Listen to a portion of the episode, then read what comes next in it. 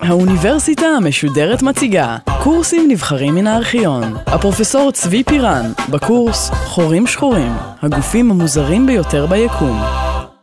החיפוש אחר אה, חורים שחורים. ישנם שיטות שונות לחפש ולזהות חורים שחורים. חורים שחורים הם בעיקרון גופים אפלים, גופים שלא פולטים שום אור, ולכן הם אמורים להיות uh, כהים וחשוכים על uh, רקע השמיים. ניתן לחשוב אולי שאפשר לזהות אותם באופן ישיר, פשוט לראות אותם, לראות נקודה אפלה כזאת. Uh, ואומנם, אנו מצליחים לראות גופים אחרים אפלים. ישנם בשמיים ענני גז שלא פולטים כל אור. עננים אלה נקראים מרפיליות. בעצמם לא היינו יכולים לראות אותם, אבל לעיתים קרובות ענן גז כזה נמצא בינינו ובין גוף אחר שמאיר את ענן הגז הזה מאחוריו, ואז אנחנו רואים על פני רקע בהיר גוף כהה, גוף שחור, וכך אנחנו מזהים את uh, הגופים השחורים האלה. למשל, אחד הגופים היפים ביותר שניתן לצפות בו בשמיים הוא גוף שחור כזה, שנקרא ערפילית ראש הסוס. ענן גז ענק שמסיבה זאת או אחרת דמותו דומה באופן מפתיע לראש של סוס. הבעיה עם זיהוי של חורים שחורים בשיטה הזאת, עם ראייה ישירה, היא בגודל הקטן שלהם. דיברנו רבות על כמה צפופים וקטנים הם אה, החורים השחורים.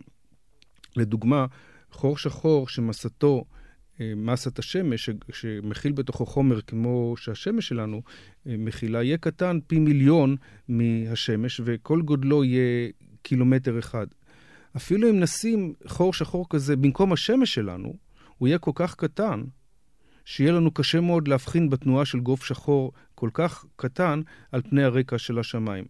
וודאי וודאי שאם חור שחור כזה יהיה רחוק יותר, כמו שאנחנו מצפים, או בסך הכל אנחנו לא מצפים שחור שחור כזה נמצא בקרבתנו, אלא חור שחור מרוחק יותר, ברור שהוא יהיה עוד יותר קטן, ולא נוכל אה, להבחין בו אה, באופן ישיר. אם ככה, אנו צריכים לחפש דרכים אחרות אה, בשביל לגלות ולזהות חורים שחורים. הדבר החשוב ביותר, העיקרי שיש לחור שחור, זה כוח המשיכה הגרביטציוני שלו, כוח הכובד שלו, שבאמצעותו הוא מושך גופים אחרים שנמצאים בסביבתו. ולכן נראה אולי שהדרך לגלות חורים שחורים היא באמצעות כוח זה. כבר מישל, אותו מישל שהציע, שהיה הראשון שהציע את קיומם של החורים השחורים, הציע במאמרו מהמאה ה-18 שהדרך לחפש חורים שחורים היא לחפש זוגות כוכבים שבהם אחד מבני הזוג אינו נראה. זוג כוכבים זה זוג של שמשות שמסתובב אחד סביב השני. וניתן, וכבר במאה ה-18 ידעו על כך, ניתן להבחין בתנועה הסיבובית של שני הכוכבים אחד סביב השני, ויש מספר רב מאוד של כוכבים זוגיים שאנחנו מבחינים בהם ומזהים אותם כזוגות. מישל הציע לחפש זוגות כאלה שבהם אנחנו רואים כוכב אחד שמסתובב, ואת בן הזוג אנחנו לא רואים בכלל. בן זוג כזה יהיה מועמד טבעי להיות uh, חור שחור. ואומנם נמצאו זוגות כאלה, שבהם אין אנו רואים את uh, בן הזוג השני. ואומנם באף אחד מהמקרים אין לנו עדות משכנעת שבן הזוג השני הוא אומנם חור שחור. כאשר אנו מוצאים בן זוג אפל, קשה לשלול את האפשרות שבן הזוג הזה הוא סתם כוכב חלש. ישנם כוכבים שמסיבות שונות עוצמת האור שלהם אה, חלשה. אולי זה ננס לבן, שהוא כוכב קטן מאוד וצפוף ו- ולעיתים אה, פולט כמות קטנה מאוד של אור, או אולי כוכב נויטרונים אפילו. כל הדברים האלה אה, יכולים להיות אפלים, בלי להיות חורים שחורים. לכן עצם העובדה שאנחנו רואים אה, בן זוג אה, שמסתובב סביב זוג אפל, בפני עצמה אינה מספקת בשביל לשכנע אותנו שראינו חור שחור. אנחנו צריכים משהו יותר חזק. והדבר החשוב שיש לחור שחור זה לא רק הכוח המשיכה שלו, אלא בעצם הגודל הקטן שלו. העובדה שהחור השחור הזה הוא מאוד מאוד קטן, ולכן אנחנו יכולים להתקרב אליו מאוד מאוד, ומכיוון שכוח המשיכה גדל ככל שאנחנו מתקרבים אל הגוף שמושך, אז, ולחור שחור ניתן להתקרב מאוד מאוד, אז ישנם אזורים סביב החור השחור שבהם כוח המשיכה הוא מאוד מאוד חזק, וזה מה שאנחנו צריכים לגלות. אנחנו צריכים לגלות גם את הגודל של הגוף, גם את המסה שלו וגם את הגודל הפיזיקלי שלו, ולזהות שהוא באמת כל כך קטן וכל כך צפוף כמו שאנחנו מצפים, ועל ידי כך לשלול את האפשרות שזה גופים אחרים. ולכן בדרך כלל, רוב השיטות לזיהוי של חורים שחורים מבוססות על שלושה שלבים. שלב ראשון, מדידת המסה, זיהוי כמות החומר שנמצאת. שלב שני, מדידת הגודל, מדידת הגודל של המערכת, הזיהוי שבאמת המסה הזאת מרוכזת בתוך אזור מאוד מאוד קטן. ושלב שלישי, שהוא בעיקר שלב תאורטי, זה כלול בעבודה תאורטית שמשכנעת אותנו ובוחנת את האפשרות שאין גוף אחר שיכול להתחזות למה שאנחנו רואים. שאין גוף אחר שיכול להיות בעל מסה כה גדולה שמרוכזת ברדיוס כה קטן. פה העבודה היא לא תצפיתית, אלא העבודה היא תאורטית, אבל היא חלק בלתי נפרד מאותם אה, שלושת השלבים שקשורים בשכנוע של, בחיפוש ובשכנוע שלנו, שבאמת מצאנו אה, חור שחור. בחיפושים האלה אנחנו נעזרים בהרבה מקרים בעובדה שכבר דיברנו עליה, שבאופן אבסורדי, החורים השחורים, שהם בעצמם גופים אפלים, הם, נם, לאו, הם לאו דווקא אפלים. החורים השחורים, חלק מהחורים השחורים לפחות, נמצא, שנמצאים באזורים שבהם יש כמות גדולה של גז מסביבם, בולעים את הגז הזה, ו... בתהליך הבליעה של הגז, הגז הזה פולט כל כך הרבה אור, שבעצם חורים שחורים הם נמצאים במרכזם של עצמים שהם העצמים הבוהקים ביותר ביקום שאנחנו מכירים, העצמים, גופים שפולטים כמות, כמויות גדולות מאוד אה, של אנרגיה, וזאת מכיוון שהחומר שנופל על החור השחור פולט כמות אור עצומה. ולכן אה, אנחנו משתמשים בחיפושים בעובדה הזאת. אנחנו מחפשים גופים שהם דווקא פולטים כמות גדולה מאוד של אור, כמות גדולה מאוד של אנרגיה, ואנחנו מנסים לבדוק האם בתוך הגופים האלה קיים באמת אה, חור שחור. והמדידה, כאמור, מתבצעת באופן אה, כללי בשתי, בשני שלבים. השלב הראשון, השלב של מדידת המסה, נעשה בדרך כלל לפי חוקי קפלר, אותם חוקים שקפלר ניסח אה, כבר לפני יותר מ-300 שנה, שמקשרים בין מהירות הסיבוב של גוף אה, וזמן הסיבוב שהגוף מסתובב סביב אה, גוף אחר. קפלר ניסח את הגופים האלה עבור מערכת השמש. ובעצם מתוך הידיעה שכדור הארץ משלים במשך אה, שנה אחת סיבוב סביב השמש, ומתוך הידיעה הזאת אנחנו יכולים לחשב את המסה של השמש, המסה שנמצאת במרכז השמש. אה, בדיוק באותה שיטה אנחנו יכולים להעריך גם את המסה של גופים שנמצאים אה, רחוק מאיתנו. אנחנו מסתכלים על הגוף שאנחנו רוצים להעריך את המסה שלו, מחפשים עצם אחר שמסתובב סביבו, מסתכלים על המהירות של הסיבוב של העצם השני, הקטן שמסתובב סביב הגוף הגדול, מסתכלים על זמן הסיבוב, כמה זמן לוקח לה, לא, להשלים את הסיבוב, ומשני הגדלים האלה אנחנו מגיעים למסקנה מהי המסה של הגוף סביבו אה, אנחנו סובבים, את הגוף המרכזי שאותו אנחנו רוצים לבדוק. אז הרעיון הזה משמש למדידת מסה באופן כללי, גם במערכת השמש, גם במערכות אחרות וגם במערכות שיש בהן אה, חורים שחורים. זה החלק הראשון של המדידה. אז צריך למצוא משהו שמסתובב סביב החור השחור ולמדוד את המהירות שלו ואת זמן הסיבוב. החלק השני קשור במדידת הגודל. מדידת הגודל של המערכת ש... שאותה אנחנו רואים.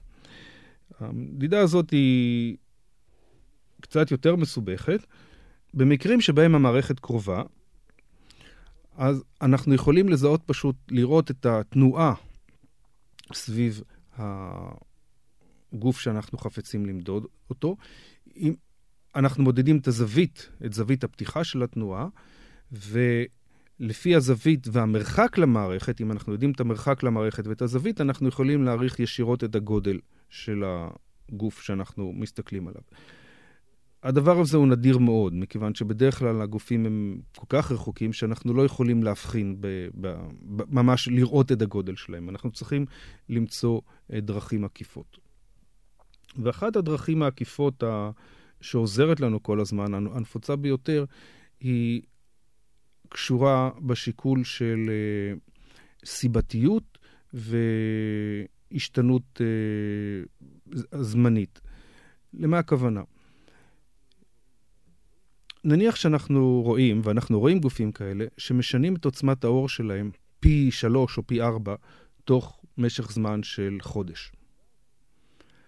העובדה הזאת, שעוצמת האור השתנתה בצורה מאוד מאוד משמעותית במשך פרק זמן קצר יחסית, מאפשרת לנו לקבל חסם עליון על הגודל של הגוף. אבל מדידת המסה בלבד איננה מספיקה. בשביל לזהות שבאמת יש לנו חור שחור, אנחנו צריכים לדעת שהמסה מרוכזת בר... ברדיוס, בגודל מאוד מאוד קטן. כי הרבה מסה בפני עצמה לא אומרת לנו שיש לנו כאן חור שחור.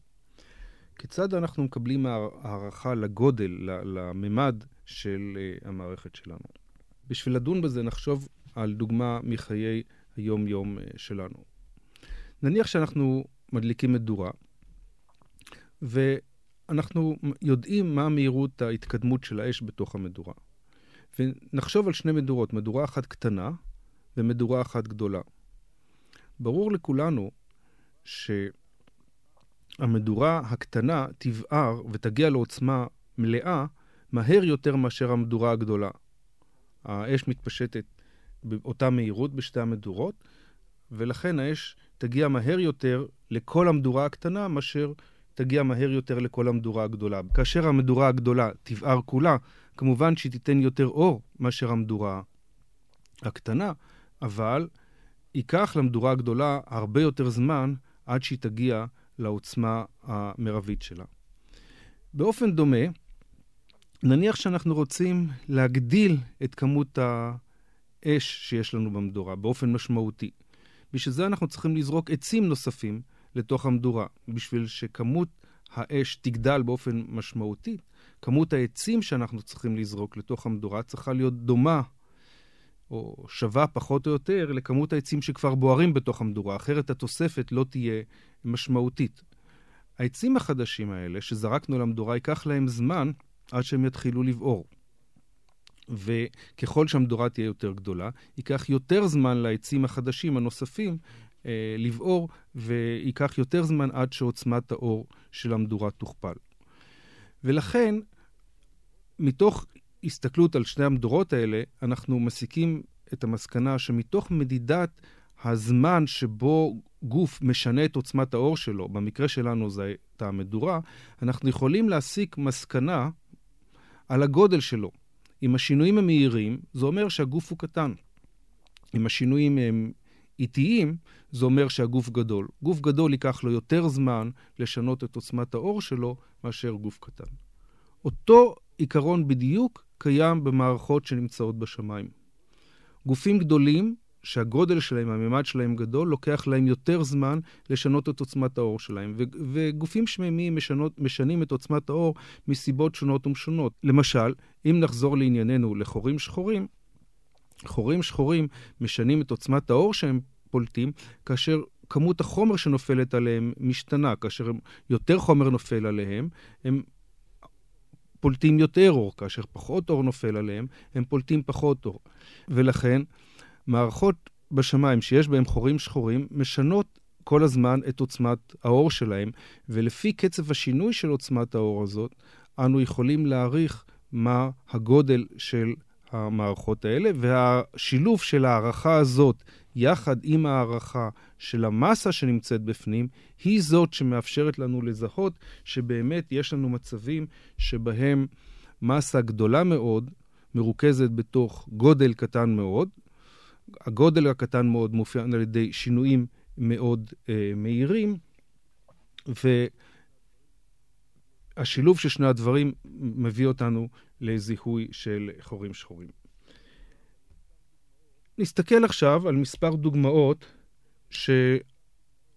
של חורים שחורים אה, שאנחנו מזהים בצורה כזאת. הדוגמה הראשונה, שכבר הזכרנו אותה, היא של חורים שחורים בגודל של מספר מסות שמש. כזכור אולי, חורים שחורים כאלה נוצרים כאשר כוכבים גדולים מתים. כוכב כזה, כשהוא מת, החומר שלו נש... לא יכול להיעצר, הוא נופל פנימה, הולך ומתכווץ ויוצר חור שחור. אנחנו יודעים שיש מאות מיליונים של חורים שחורים כאלה רק בגלקסיה שלנו, רק בשביל החלב שלנו ישנם מאות מיליוני חורים שחורים כאלה.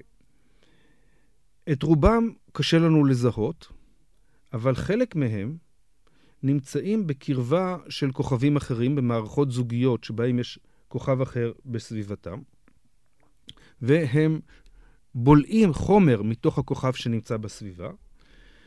בליית החומר הזאת מביאה את החומר שנופל על החור השחור להתחמם לטמפרטורות עצומות, לטמפרטורות של מיליוני מעלות, ולפנות קרינת, קרינת אקס, או מילים אחרות, קרינת רנטקן.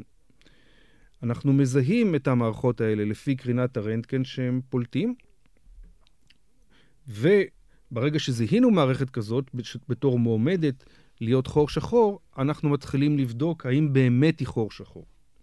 וכאן באים שני השלבים שהזכרנו קודם. ראשית, מדידת המסה.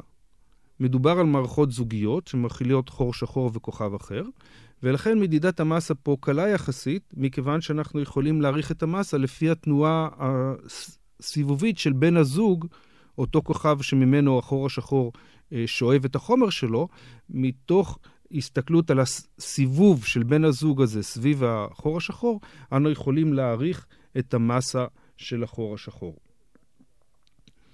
המדידה של הגודל כאן מופיעה לפי השינויים המהירים מאוד שמופיעים בעוצמת קרינת הרנטגן, שינויים שלעיתים קרובות מגיעים למהירות של מילי שניות. לעיתים תוך מילי שנייה עוצמת הקרינה שבאה ממערכת כזאת משתנה, מה שאומר לנו שהמערכת היא מאוד מאוד קטנה, כמו שצריך בשביל שיהיה שם חור שחור.